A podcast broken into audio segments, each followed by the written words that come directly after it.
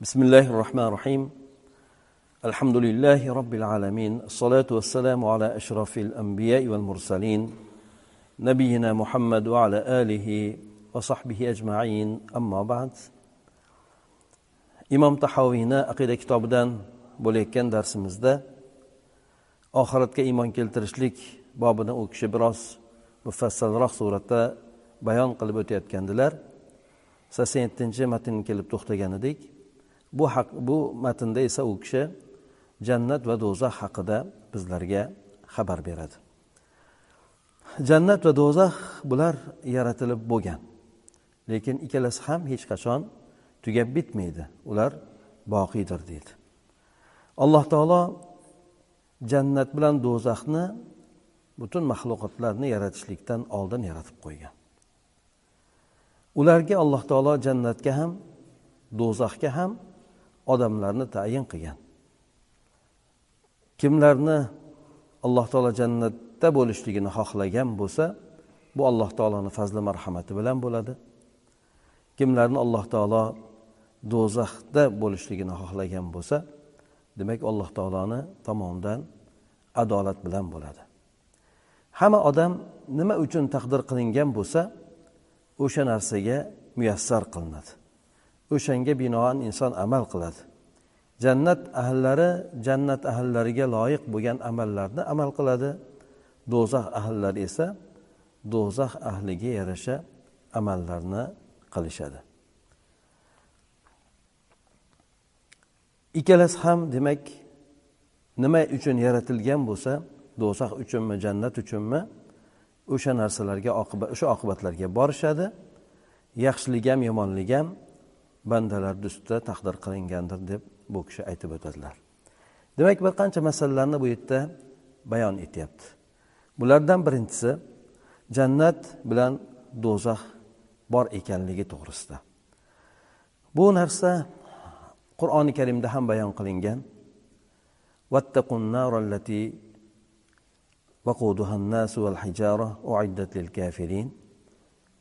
Ya'ni do'zaxdan do'zaxda do'zaxni alloh taolo aytadiki kofirlarga tayyorlab qo'yilgan. Uni yoqilg'ilari esa odamlar bilan toshlar bo'ladi. Demak tayyorlab qo'yilgan deb aytdi jannat borasida ham xuddi shuningdek. Payg'ambar sallallohu alayhi vasallam bir hadislarida aytib o'tadilarki alloh taolo jannat bilan do'zaxni yaratgan paytida jibril alayhissalomni jannatga yubordilar. Va aytdilarki boring jannatga bir nazar soling va unda men bandalarimga tayyorlab qo'ygan narsalarga qarang dedi. Jibril alayhissalom u yerga borib jannatga va jannatni ichidagi bo'lgan tayyorlab qo'yilgan narsalarga qaradi. Qaytib kelib alloh taologa aytdiki seni izzatingga qasamki jannatni bironta odam eshitadigan bo'lsa unga kiradi. Jannatdan xabardor bo'lgan odam harakat qilib yurib bo'lsa ham jannatga kirib oladi dedi. Alloh taolo keyin jannatga buyurdi. Jannat qiyinchiliklar bilan o'raldi. Shunda alloh taolo aytdiki jibril alayhissalomga boring yana qayta qarang jannatga dedi. U yerda o'sha yerda alloh taolo bandalariga tayyorlab qo'ygan narsalarga qarang degdi jibril alayhissalom borib qaradi. Qaytib kelib aytdiki robbim izzatingga qasamki men qo'rqamanki u yerga hech kim kirolmasa kerak. Ya'ni jannat qiyinchiliklar bilan o'rab qo'yilganligiga odamlar kirolmasa kerak u yerga harakat qilib. Yana alloh taolo undan keyin jibril alayhissalomni do'zaxga yubordi. Xuddi shuningdek aytdiki borib qarang do'zaxga va do'zaxda kiradigan odamlarga tayyorlab qo'yilgan narsalarga qarang dedi. Jibril alayhissalom borib qaradi. Qarasa do'zax bir biriga qarashib yotar edi qaytib keldilar aytdilarki izzatingga qasamki bironta odam uni eshitadigan bo'lsa hech kim kirmaydi yerga dedi. Alloh taolo do'zaxga buyurgan edi. Do'zax esa shahvat odamni qiziqtiradigan o'ziga chorlaydigan narsalar bilan o'rab qo'yildi. Keyin keyin jibril alayhissalomga aytib borib endi ko'ringchi dedi. U yerda tayyorlab qo'yilgan narsalarga qarangchi deganida u kishi borib u yerga qaradi. Qaytib kelib aytdiki robbim seni izzatingga qasamki qo'rqamanki undan bironta odam najot topmaydi. Hamma shu nima qilgan odam kirib ketib qoladi qutulolmaydi. Jahannam shunaqangi insonni o'ziga tortadigan narsa bilan o'ralib qo'yilibdiki undan inson qutulolmay qoladi deb jibril alayhissalom aytibdi. Bu hadisni imom termiziy bilan imom hokim rivoyat qilgan. Alboniy rahmaulloh bu hadisni sahih deb aytgan ekan. Ana o'shandek demak do'zax bilan jannat ikkalasi qurib bo'lgan. Payg'ambar sallallohu alayhi vasallam aytib o'tdik shularida chiqqan paytlarida ham farishtalar olib ketgan paytlarida jannatga kirganligi do'zaxga kirganligini xabarini beradi. Yana boshqa bir hadislarda payg'ambar sallallohu alayhi vasallam aytadilarki nafsim qo'lda bo'lgan zotga qasamki ya'ni jonim qo'lda bo'lgan zotga qasamki agar sizlar men ko'rgan narsani ko'rsalaringiz edi oz kulib ko'p yig'lagan bo'lardinglar deb sahobalarga aytadi. Sahobalar aytdilarki ey rasululloh alayhivasallam nimani ko'rdingiz? deganda jannat bilan do'zaxni ko'rdim deb aytgan ekanlar. Buni esa imom muslimdan imom nasoiy rivoyat qilgan ekan. Ha shunday demak jannat bilan do'zax tayyorlab qo'yilgan alloh taolo ularni avvaldan yaratib qo'ygan. Shuningdek alloh taolo jannat bilan do'zaxga unga ahllarni ham o'sha yerga boradigan odamlarni ham tayinlab qo'ygan. Bu borada aytib o'tgan edik alloh taolo bir toifani jannat uchun yaratganligini va ular jannat ahllarini amaldaqa amal qiladi dedi. Bir boshqa bir toifani esa do'zax uchun yaratib ular do'zax ahlini amaldaqa amal qiladi deb aytgan edi. Biz undan aytib o'tgan edik alloh taolo avvaldan hamma narsani biladi. Qaysi bir insonlar oqibatda yashab o'tib demak ularni oqibati yaxshi bo'ladi yaxshi amallarni qilishadi buni alloh taolo oldindan avvaldan biladi. Xuddi shunday qaysi bir insonlarni yaratgan bo'lsa alloh taolo ularni oqibatini ham biladi. Ular qanday amallar qiladi buni ham oldindan bilgan demak ularni o'sha oqibati do'zaxga borishligi bilan alloh taolo ularni do'zaxga hukm qilgan. Ana o'shandek demak insonlar hali yaralishligidan oldin alloh taologa hamma narsa ma'lum bo'lgan. Kim do'zaxga ketadi kim yoki amal qilib jannatga boradi. Jannatga boradigan odamlarga bu haqida ham aytib o'tdik alloh taoloni fazli marhamati bo'ladi. Ularga yaxshilik ko'rsatib qo'yadi alloh taolo. Shuning uchun aytadiki alloh taoloni o'zi sizlarga iymonni chiroyli qilib ko'rsatib qo'ydi yaxshi ko'rsatib qo'ydi va qalbinglarda u narsani ziynatlab qo'ydi. Gunohlarni har turini katta gunohlar bo'lsin kichkina gunohlar bo'lsin kufr ishlari bo'lsin uni sizlarga yomon ko'rsatib qo'ydi deydi. Bu narsa esa alloh taoloni fazli marhamati bilan bo'ldi deb. Demak alloh taolo xohlagan bandalariga o'sha iymon iymonni chiroyli qilib ko'rsatib qo'yishligi amallarni chiroyli qilib ko'rsatib qo'yishligi qalbiga ziynatlab solib qo'yishligi shu bilan birgalikda gunoh kufr amallarni ham u insonlarga yomon qilib xunuk qilib ko'rsatib qo'yishligi demak alloh taoloni fazli marhamatdan ekan. Demak qaysi bir kimsalargadir alloh taolo o'shanday qilgan qaysi bir kimsalarni esa o'zini holatiga o'zlarini tashlab qo'ygan. Bu narsa esa alloh taoloni adolatidan deb aytib o'tdik. Demak kimni alloh taolo jannatga kirishlikni xohlagan bo'lsa u bandaga alloh taolo fazli marhamat ko'rsatibdi. Kimni alloh taolo do'zaxda bo'lishligini xohlagan bo'lsa u insonga nisbatan kimsaga nisbatan alloh taolo adolat qilibdi ya'ni hech qanday alloh taolo zulm qilmagan. Aytib o'tdik bu narsalar alloh taoloni azaliy ilmiga bog'liqda. Alloh taolo avvaldan kim nima amal qilishligini bilgan ana o'sha oqibatini alloh taolo ularga bitib qo'ygandir.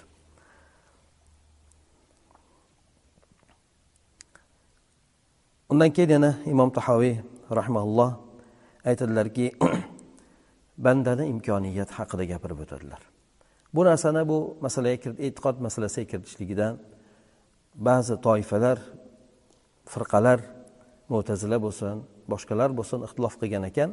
Ana o'shaning uchun bu kishi bu narsani ham bu narsada ham ahli sunna qanday e'tiqod qiladi? Shuni bayon qilib o'tgan ekan. Insonni bir amalni qilishlikka ikki xil imkoniyati bo'ladi. Birinchisi amalni qilishdan oldingi bo'lgan imkoniyat undan keyin amalni qilishdagi bo'lgan toqat yoki quvvat qudrat o'sha narsasi. Inson bir amalni qilmoqchi bo'ladigan bo'lsa uni imkoniyati bor. Oldindan masalan kuch quvvati bor aqli bor jasadi ishlab turibdi kasal emas. Inson namoz o'qishligi mumkin. Tavba qilishligi mumkin. Insonda bu narsaga toqat bor. Lekin hamma inson ham tavbaga muyassar bo'lolmaydimi tavba qilolmaydimi hamma inson ham ibodatlarni ado eta oladimi? O'sha ado etayotgan odam bilan o'sha ibodatni ado etmayotgan odamni toqat jihatdan quvvat jihatdan hamma narsasi bir xil bo'lishi mumkin. Ehtimol namoz ibodatini ado etayotgan odam nimjonroq bo'lishi mumkin. Narigi odam esa ancha toqatli bo'lishi mumkin. Yoki ro'za tutayotgan odam nimjonroq kasalmandroq bo'lishi mumkin. Narigi ro'za tutmayotgan odam esa toqati yaxshigina bir baquvvat bo'lishi mumkin. Insonlarda demak alloh taolo bir ishni qilishdan oldingi bo'lgan toqatiga ko'ra insonlarga amalni yuklaydi. Bu inson toqati bormi ro'za tutishlikka? Bu odamga alloh taolo ro'zani farz qiladi. Demak u odamni sog'lom jasadi baquvvat muqimlikda turibdi. Demak bu odamga ro'za amali farz bo'ladi. Endi ro'za tutishlikchi ro'za tutishlikka bo'lgan insondagi imkoniyat yoki ro'za tutishlikka bo'lgan toqatchi insonni bu narsa alloh taolo tomonidan beriladigan narsa. Insonga amallari o'sha ishni bajarishdan oldingi holatiga qarab turib buyuriladi yuklatiladi. Masalan bir inson kasalmi? U odamga ro'za farz emas. Kasal tutolmaydigan bo'lsa. Ro'za tutolmaydigan bo'lsa kasal bo'lganligi uchun u odam ro'za farz bo'lmaydi. Lekin bir insonni toqati yaxshi. Kuch quvvati bor kasalligi yo'q. Demak u odam mukallaf inson. Alloh taolo unga amalni yuklaydi ro'za tutgin deydi. Endi ro'za tutolmayapman deydi bir odam. Men hech ro'za tutolmayapman deydi. U namoz o'qigin desa shu o'qiyolmayapman deydi. Demak o'qishlikka toqatim bo'lmayapti deydi. Kuchim yetmayapti deydi. Ha bu narsa o'zi insonda haqiqatdan amal qilishdan oldingi bo'ladigan narsa insonni imkoniyati o'zi insonda mavjud bo'lgan narsa. Bu narsaga ko'ra alloh taolo har hamma insonlarga amallarini farz etadi. Lekin inson o'sha amalni bajarish paytidagi bo'lgan toqati esa alloh taolo tomonidan beriladigan unga fazli marhamat yoki imkoniyatdir. Shuning uchun bir amalni qilishda bir odam bor baquvvat hammasi ikkita odam e'tibor qilaylik ikkalasi ham bir xil quvvatga ega. Bittasi ro'za tuta olyapti ikkinchisi ro'za tutishlikka qodir bo'lmayapti. Aytyaptiki hech ro'za tutolmayapman deydi. Ro'za tutishga qodir bo'lolmayapman deydi. Lekin qodir bo'lolmayotganligi alloh taolo unga uni unga o'sha tavfiqni bermayotganligi bo'ladi. Bu imom tahoviy rahimaulloh mana shu masalani bu e'tiqod masalasiga kiritib o'tgan ekan. Shuning uchunki bu mo'tazila yoki boshqa toifalarda bu narsalarni ba'zi bo'laklarni inkor etish bo'lgan ekan. Shundan bu kishi ajratib turib insonda toqatiga qarab turib alloh taolo yuklaydi amaldan amalni bajarishdan oldingi holatiga qarab turib insonni toqati bormi unga senga ro'za farz bo'libdi. Namoz senga farz bo'libdi deb aytiladi. Endi o'shani inson masalan ro'za ertalabda ro'za tutdi. To kechgacha inson o'sha ro'zasini tutib oldi. Demak alloh taolo uni ro'za tutishlikka qodir qildi. Demak alloh taolo uni shunga tavfiq berdi. Shuni ado etishib olishlikka alloh taolo unga imkoniyat berdi deymiz. Demak inson amalni bajarishlikdagi bo'ladigan toqati bu alloh taolo tomonidan beriladigan fazli marhamat ekan. Undan oldingi bo'ladigan toqat u narsani keyingi bo'ladigan amalni bajarishda oxiriga yetkazib olishlikka kifoya qilmas ekan. Shuning uchun alloh taolo hammaga imkoniyatni bergan hammani quvvati bor hammani sog'lomligi bor lekin ibodatlarni ado etishlik vaqtidachi bu odam ado etolmayapti bu odam ado etolmayapti ado etolmayotgan odam ro'za tutolmayapman ibodat qilolmayapman deydi. Demak imkoniyatim bo'lmayapti shu narsaga degani.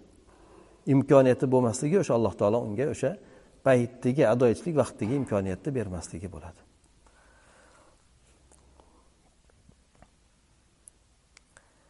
Bandalarni amallari to'g'risida aytib o'tadilar bu kishi.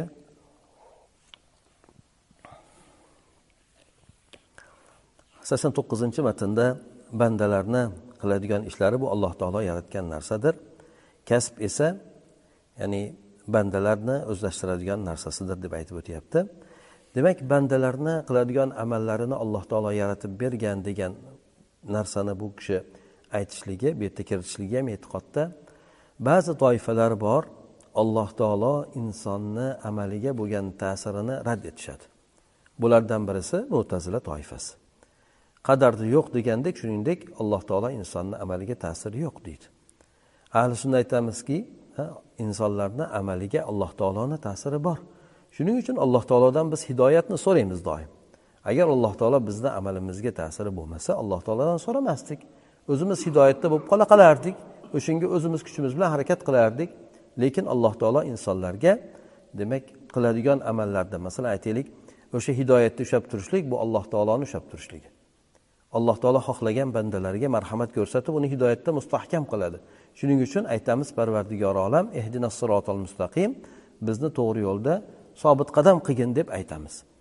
Endi alloh taolo bandalarni amallarini yaratishligi borasida nima uchun alloh taolo amal bandalarni amalini bu qadarga aloqador masala edi bu. Qadarni to'rtta darajasi bor. Qadarga iymon keltirishlikni. Birinchisi alloh taolo hamma narsani avvaldan biladi. O'sha bilgan narsalarni lavhul mahfuzga yozib qo'ygan. U ikkinchisi o'sha bo'ladigan hamma narsa alloh taoloni xohish irodasi bilan bo'ladi. Alloh taoloni xohishiga zid bo'lmaydi. Bu uchinchisi edi. To'rtinchisi esa insonlar qiladigan amallarni alloh taolo yaratib beradi degan. Shu to'rala qadarni darajasi bor. Alloh taolo qanday yaratib beradi insonni amalni? Majbur qilib qo'yib qo'yadimi? Alloh taolo demak insonlarni amallarini yaratib berishlik borasida vallohu xalaqakum ma ta'malun. Alloh taolo sizlarni ham qiladigan ishlaringizni ham yaratadi deb aytgan. Shuningdek alloh taolo hamma narsani yaratgan deb bilamiz. Alloh taolo xalaqa kulli shay alloh taolo hamma narsani yaratgan. Endi insonga yaratib berishligi alloh taolo bizlarga ish qilishlikka bo'lgan asosan ikki sifatni bergan. Bu birisi insondagi bo'lgan qudrat bir ishni amalga oshirishlikka insonda albatta qudrat bo'lishi kerak. Kuchi yetadigan bo'lishi kerak. Ikkinchisi esa insonda o'sha ishni qilishlikka bo'lgan xohish iroda bo'lishi kerak. Shunda bir ishni inson amalga oshira oladi. Inson aytaylik bir ishni qilmoqchi. Toqati yetadi. Kuchi yetadi o'sha narsani qilishlikka lekin u odamni xohishi yo'q o'sha ishni qilishlikka. Xohlamayapti qilishlikni. Ha demak bir joyga borib kelishlikka moshinasi ham bor toqati ham yo'qi bor lekin u odam xohlamayapti. Tamom u ish amalga oshmaydi. Bir odam bir ishni xohlayapti qilishlikni lekin unga toqati yo'q. Kuchi yo'q u narsaga imkoniyati yo'q. Ming xohlasa ham u odam masalan yoshi katta bo'lgan odam aytaylik qur'onni ushlab turib shuni yodlamoqchi xohishi bor lekin unga imkoniyati yo'q toqati yo'q. Demak inson amalga oshirishligi uchun bir qaysi bir amalni qilishligi uchun albatta insonda iroda bo'lishi kerak xohish irodasi bo'lishi kerak shuningdek insonni toqati bo'lishi kerak o'sha ishni amalga oshira oladigan bo'lishi kerak. Shu ikkala narsani insonga alloh taolo bergan. Iroda sifatini ham bizga irodamizni ham alloh taolo bizlarga berdi. Alloh taolo bizga qudratimizni ham yaratib berdi. Ana o'shandan chiqadigan narsani demak alloh taologa nisbatlab yaratib berildi. Aslida u narsalarni bandani o'zi qiladi. Shundan aytishadiki agar inson bir ishni bajarishlik agar toqati bo'lsa ham xohish bo'lmasa bu inson o'sha amalni hech qachon bajarmaydi. Lekin insonda xohish bor imkoniyat yo'q. Inson imkoniyatni axtaradi. Bu yo'l bilan bo'lmasa bu yo'l bilan bu yo'l bilan bo'lmasa bu yo'l bilan demak inson inson uchun muhim bo'lgan narsa bir ishda o'sha xohishda bo'lishligi. Agar xohish bo'ladigan bo'lsa inson o'sha ishni ado etishlik imkoniyatini qidirib topadi. Demak bu yerda aytmoqchi bo'lgani bu kishini alloh taolo insonlarni amallariga albatta alloh taoloni ta'siri bor. Alloh taolo ularni to'g'ri yo'lda mustahkam qilib turadi. Qalbini iymonga ochib turadi. Kimlarnidir qalbini siqiladigan qilib qo'yadi. Qulog'ini eshitmaydigan qilib qo'yadi. U narsaga toqat qilolmaydigan qilib alloh taoloni bu narsalar o'zini ishi. Lekin aytib o'tdik bandalar bu narsa qilgan ishlari bo'yicha javob beradi. Banda namoz o'qiganligi uchun ajr mukofot oladi o'qimaganligi uchun jazo oladi. Demak o'sha ishni alloh taolo unga imkoniyat bergan taqdirda ham bandani o'zi bajaryapti. O'zi mana namoz o'qiyapti. Shu namoz o'qiganiga banda ajr olyapti. O'qimaganiga esa inson jazo olyapti. O'shandan bilamiz ekanki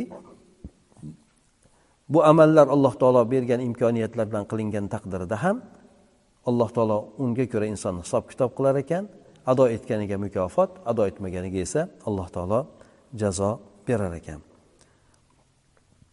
Undan keyin yana aytib o'tyaptilarki bu kishi alloh taolo bandalarga toqat qiladigan narsani yuklaydi. Shariatimizdagi qaysi bir amal bo'lsa bu narsalar insonlarni toqatida bor. Qaysi bir insonni toqati yetmay qolsa bir amalni qilishga. Masalan ro'za tutgin deb alloh taolo farz qildi. Demak insonlarni bu toqati yetadigan amal. Tutyapmiz. To bolalarimiz ham tutyapti. Demak bu bizni toqatimizdagi bor bo'lgan narsa. Yil o'n ikki oy tut demadi. Chunki u narsa bizni toqatimizda yo'q edi. Bir oy tutgin dedi inson bir oyda o'zi to'lib qoladi. Keyingi oyga kamdan kam mana keyingi olti kun tutishlikka keladigan paytda hamma tutib yuborolmaydi. Chunki inson o'sha bir oy yetarli bo'ladi. Demak bizni toqatimizda bor. Endi bir inson kasal bo'lib qolsachi o'sha ish ro'za tutishlikka imkoniyati bo'lmay qolsachi kuchi yetmay qolsachi demak bu odamga uzr bor. Bu odamga yengillatiladi bu odamga ochishligiga iftor qilishligiga ruxsat beriladi. Demak alloh taolo nima narsani bizga yuklagan bo'lsa albatta u narsa bandalarni toqatida bor. Toqatimizdan tashqari bo'lgan narsalarni alloh taolo bizlarga buyurmaydi. Qaysi bir narsa toqatimizdan tashqari bo'lib qolsa yengillik keladi uni ortidan. Demak shuni biz bilamiz ekanki bu kishi ham aytib o'tyaptilar. Demak alloh taolo bandalar la yukallifullohu nafsan illa vusaha alloh taolo avvalo qur'oni karimda aytdi. Bandaga alloh taolo toqatli bor bo'lgan narsani yuklaydi. Deb payg'ambar sallallohu alayhi vasallam aytib o'tadilar. Ya'ni oyatda shu narsa keladi. Payg'ambar alayhisalomga aytishlikka alloh taolo aytadi.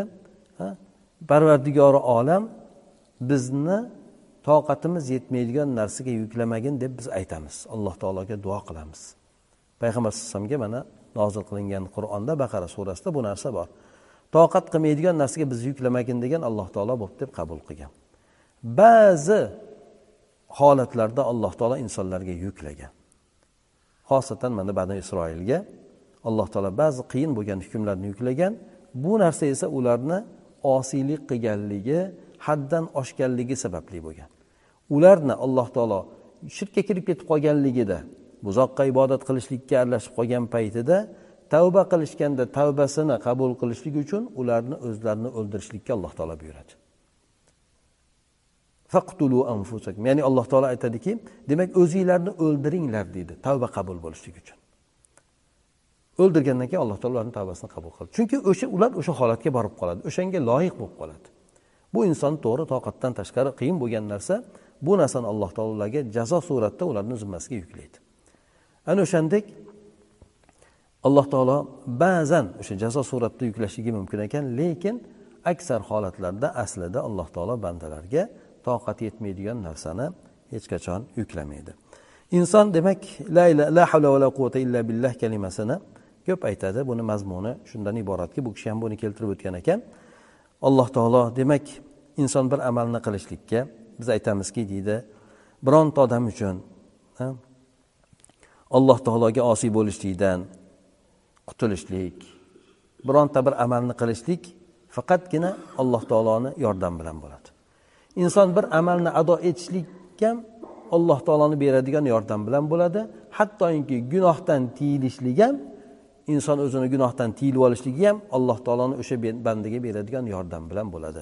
Shuning uchun la havla va la quvvata illa billah. Insonda o'sha biz aytamiz toqatimiz yo'q. Bir narsadan qutulishlik imkoniyatimiz yo'q. Holatimizni bir holatdan ikkinchi holatga o'zgartirishlikka faqatgina sen beradigan yordam bilangina mumkin bu narsa deb turib shuni la havla va la quvvata illa billah deb turib aytamiz deydi demak alloh taoloni xuddi shuningdek toatlarini ado etishlikka ham alloh taolo harom qilgan narsalardan chetlanishlikka ham albatta alloh taoloni yordami bizga kerak bo'ladi. Shuning uchun aytamizki iyyaka na'budu va iyyaka nastain. Parvardigor olam sengagina ibodat qilamiz sendangina yordam so'raymiz. Chunki ibodatga alloh taolo muyassar qiladi insonni alloh taolo imkoniyat beradi quvvat beradi. Harom narsadan tiyilishlik ham bu ibodat. Bu narsa ham haromligini bilib tiyilishlik ham bu ham ibodat. Albatta bu narsada ham alloh taoloni insonga beradigan demak o'sha imkoniyati bo'ladi. Shuning uchun bir odam mana oddiy misol olib ko'rsak harom turgan bo'lsa haromdan tiyiladi. Judayam chaqirgan taqdirida ham inson o'zini tutadi. Sabab bu narsaga chunki olloh harom qilgan. Insonni o'sha qalbidagi bo'lib turgan narsasi e, to'xtatib turgan narsasi insonda kuchayadi. Insonga oqibatini alloh taolo ko'rsatib qo'yadi bildirib qo'yadi. Qanaqa bir narsalarni sababli alloh taolo o'sha nima inson o'sha narsadan tiyilib qoladi. Demak bu narsalarda alloh taolo bir o'zi saqladi sal gunohga qoldi aralashib qolishligimga deydi. Olloh o'zi bir saqladi deydi. Demak inson olloh saqlaganligini bu yerda o'zi ham e'tirof etadi. Chunki agar olloh saqlamagan deydi yusuf alayhissalom ham aytadi. Ha? Ya'ni hamma narsa zinoga chaqirib turgan ya'ni hamma narsa qiziqtirib turgan holatda alloh taolo saqlaganligi uchun bu kishi saqlanib qoldi. Inson demak shu gunohdan tiyilishlikda ham alloh taoloni saqlashligiga allohni yordamiga muhtoj. Shuningdek ibodatni ado etishlikda ham alloh taoloni yordamiga muhtojdir. Demak sobit qadam qilishlik ham alloh taoloni tavfiqi bilan bo'ladi. Hamma narsa esa alloh taoloni xohish irodasi bilan yuradi. Alloh taolo hamma narsani bilib turadi. O'shanga qilgan hukmi taqdiri shu narsa bilan u narsalar joriy bo'ladi dedi. Alloh taolo nimani xohlaydigan bo'lsa albatta o'sha xohishi bandalarni xohishidan g'olib keladi. Ha buni aytib o'tdik. Hamma inson bo'lib bir odamga foyda berishlikni xohlasayu lekin alloh taolo xohlamasa hech kim hech qanday yordam berolmayapti ming harakat qilgani bilan. Demak allohni xohishi bandalarni xohishidan g'olib keldi. Yoki uni aksi alloh taolo bir bandaga yordam berishlikni xohlagan bo'lsa har qancha odam to'sqinlik qilgan taqdirda ham alloh taolo xohlagan narsa albatta bo'ladi. Demak alloh taolo xohlagan narsasini qiladi lekin bunda bandalarni birontasiga zulm qilmaydi deb aytib o'tdik. Alloh taolo har qanaqangi yomonlik bo'lgan narsalardan pok bo'lgan muqaddas bo'lgan zotdir. Har qanaqangi aybdan xunuk bo'lgan narsalardan alloh taolo pok bo'lgan narsa shuning uchun qur'onda ham keladi la amma yusalun. Alloh taolo qilgan ishidan so'ralmaydi xohlagan ishini qiladi lekin hech kimga zulm qilmaydi. Robbingiz bandalarga hech qanaqangi zulm qilmaydi. Zarracha zulm alloh taolo qilmaydi. Ha lekin olloh qilgan narsalarni o'zi xohlab qiladi u haqida so'ralmaydi. Bandalar o'sha qilishi kerak bo'lgan narsalar haqida alloh taoloni huzurida savol javob beradi deb aytib o'tyapti. Yana undan keyin bu kishi keltirib o'tyaptiki insonlar qiladigan duolarida tirik odamlar qiladigan duolarida sadaqa ehsonlarida o'lgan odamlarga manfaat bor deyapti. Albatta bu masala o'lgan odamlarni haqqiga duo qilamiz.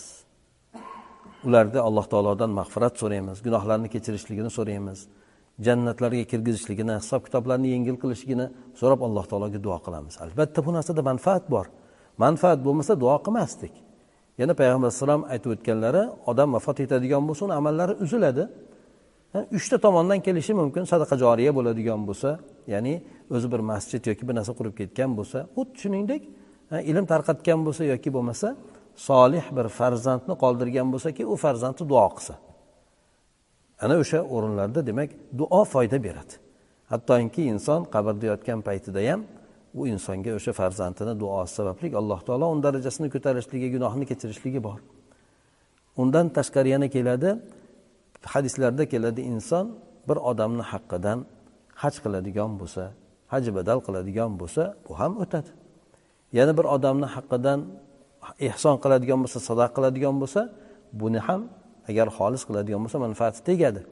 Payg'ambar sallallohu alayhi vasallam o'sha oldiga ba'zi sahobalar kelib aytganligi onasini nomidan bir sadaqa qilmoqchi bo'layotganligini payg'ambar alayhisalom qilgin deb turib aytadilar.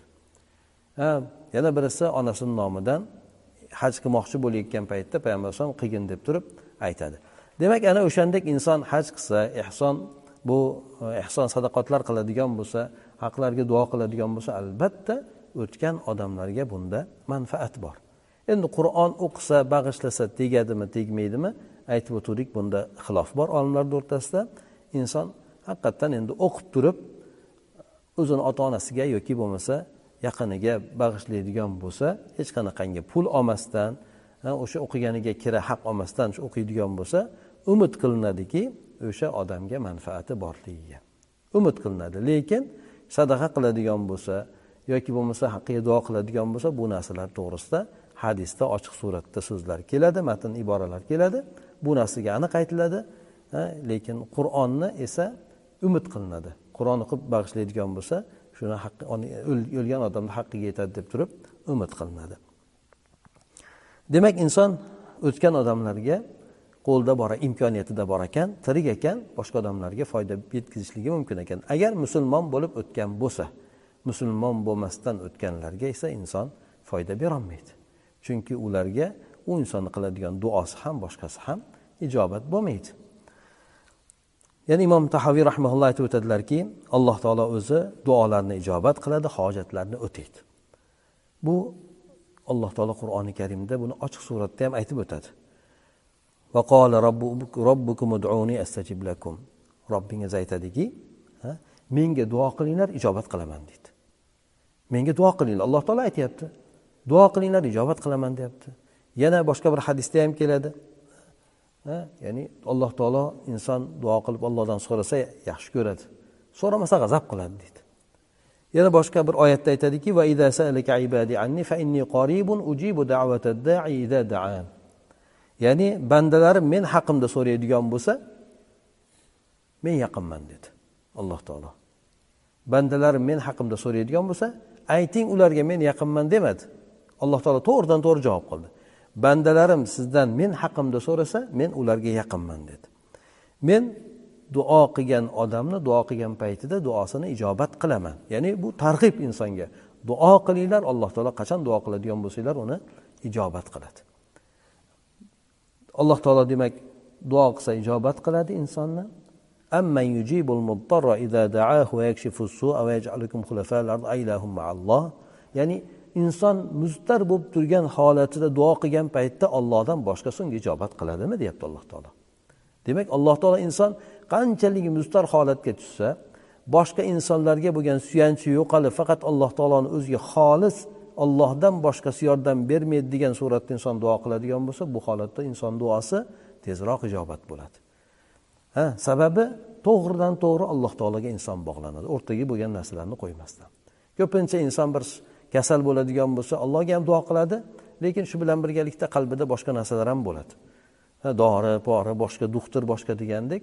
Shunda ham unda ham alloh taolo ijobat qiladi lekin ijobat o'ziga yarasha xohlagan vaqtda beradi alloh taolo. Lekin mustar bo'lgan odam holati ko'pincha tezda alloh taolo unga ijobat qiladi. Sababi inson boshqa kimsalarga suyanolmaydi. Suyanmaydi chunki ulardan insonni umidi uzilgan bo'ladi. Faqat ollohni o'zidan qolgan bo'ladi. Ana o'shanday bo'lib turgan holatlar masalan qamoqda bo'lsin. Bu yerda odamni holati haqiqatdan shunday holatga tushib qoladi. Yoki bo'lmasa safarda bo'lsin boshqada bo'lsin inson boshqa kimsaga suyanolmaydida ollohga bog'lanadigan bo'lsa ko'pincha alloh taolo o'sha inson so'ragan paytda duosini ijobat qilib beradi. Buni inson hayotida o'zini hayotida ham bir qancha holatlarda vaqtlarda ko'rgan bo'lishligi ham mumkin.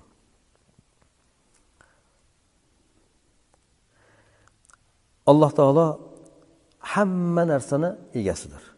Hamma narsa alloh taoloni mulki. Bu borliqdagi bo'lgan katta narsalar bo'ladimi? Insonni o'zi bo'ladimi? Insonni o'zidagi holatlar bo'ladimi? Insonni ko'rishligi ham alloh taoloni mulki. Xohlasa beradi xohlasa olib qo'yadi. Eshitishligi ham tili ham yurishligi ham hammasi inson ollohniki bo'lgandek insonni ichidagi hamma narsa ham allohni mulki. Boshqa maxluqotlar ham xuddi shuningdek hamma narsa alloh taoloni mulkidir. Bu narsani bu kishi aytib o'tyaptilar bu yerda. Alloh taolodan inson bir lahza ham behojat bo'lolmaydi. Alloh taolodan inson bir lahza ham behojat bo'lolmaydi. Sababi chunki insonni nafas olib turishligi ham alloh taoloni o'sha insonga o'sha narsani berganligiga bog'liq. Lekin qaysi bir inson o'zini alloh taolodan men behojatman menga xudo kerak emas men o'zim bilganimdek ya'ni allohga muhtoj emasdan yashayman deydigan bo'lsa bu inson avvalo bu aytgani bilan kofir bo'ladi yana bir e, yaxshi bo'lmagan ya'ni halokat ahliga aylanib qoladi deb aytgan ekan bu kishi. Alloh taolo qur'oni karimda aytadi. Kalla innal insana la yatg'a kalla innal insana la inson tug'yonga ketadi haddan oshadi izdan chiqadi. Qachon?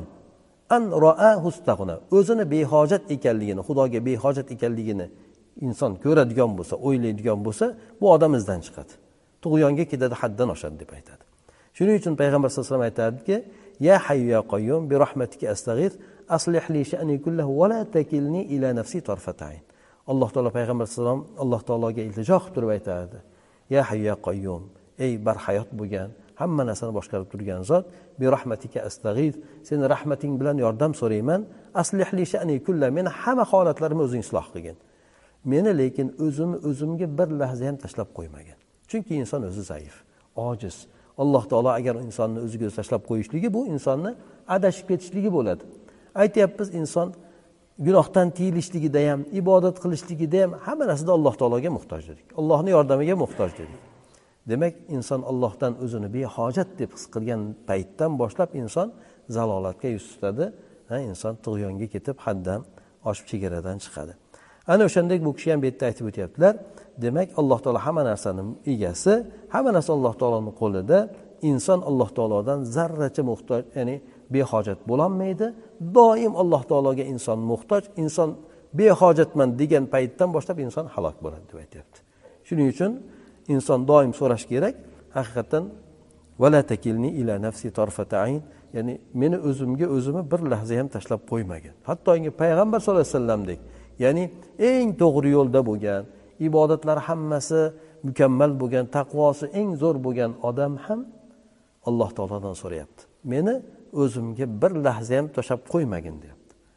Endi shunday zot aytgandan keyin bu yoqdagi insonlar qachon alloh taoloni yordamiga muhtoj ekanligini o'zi his qilib inson yashashlik kerak mayli shu yergacha bugungi darsimizni tugatarmiz inshaalloh to'qson to'rtinchi matnga kelib to'xtadik ertaga ertaman darsimizni davom ettiramiz سبحانك اللهم وبحمدك نشهد أن لا إله إلا أنت نستغفرك ونتوب إليك اللهم انفعنا بما علمتنا وعلمنا ما ينفعنا وزدنا علما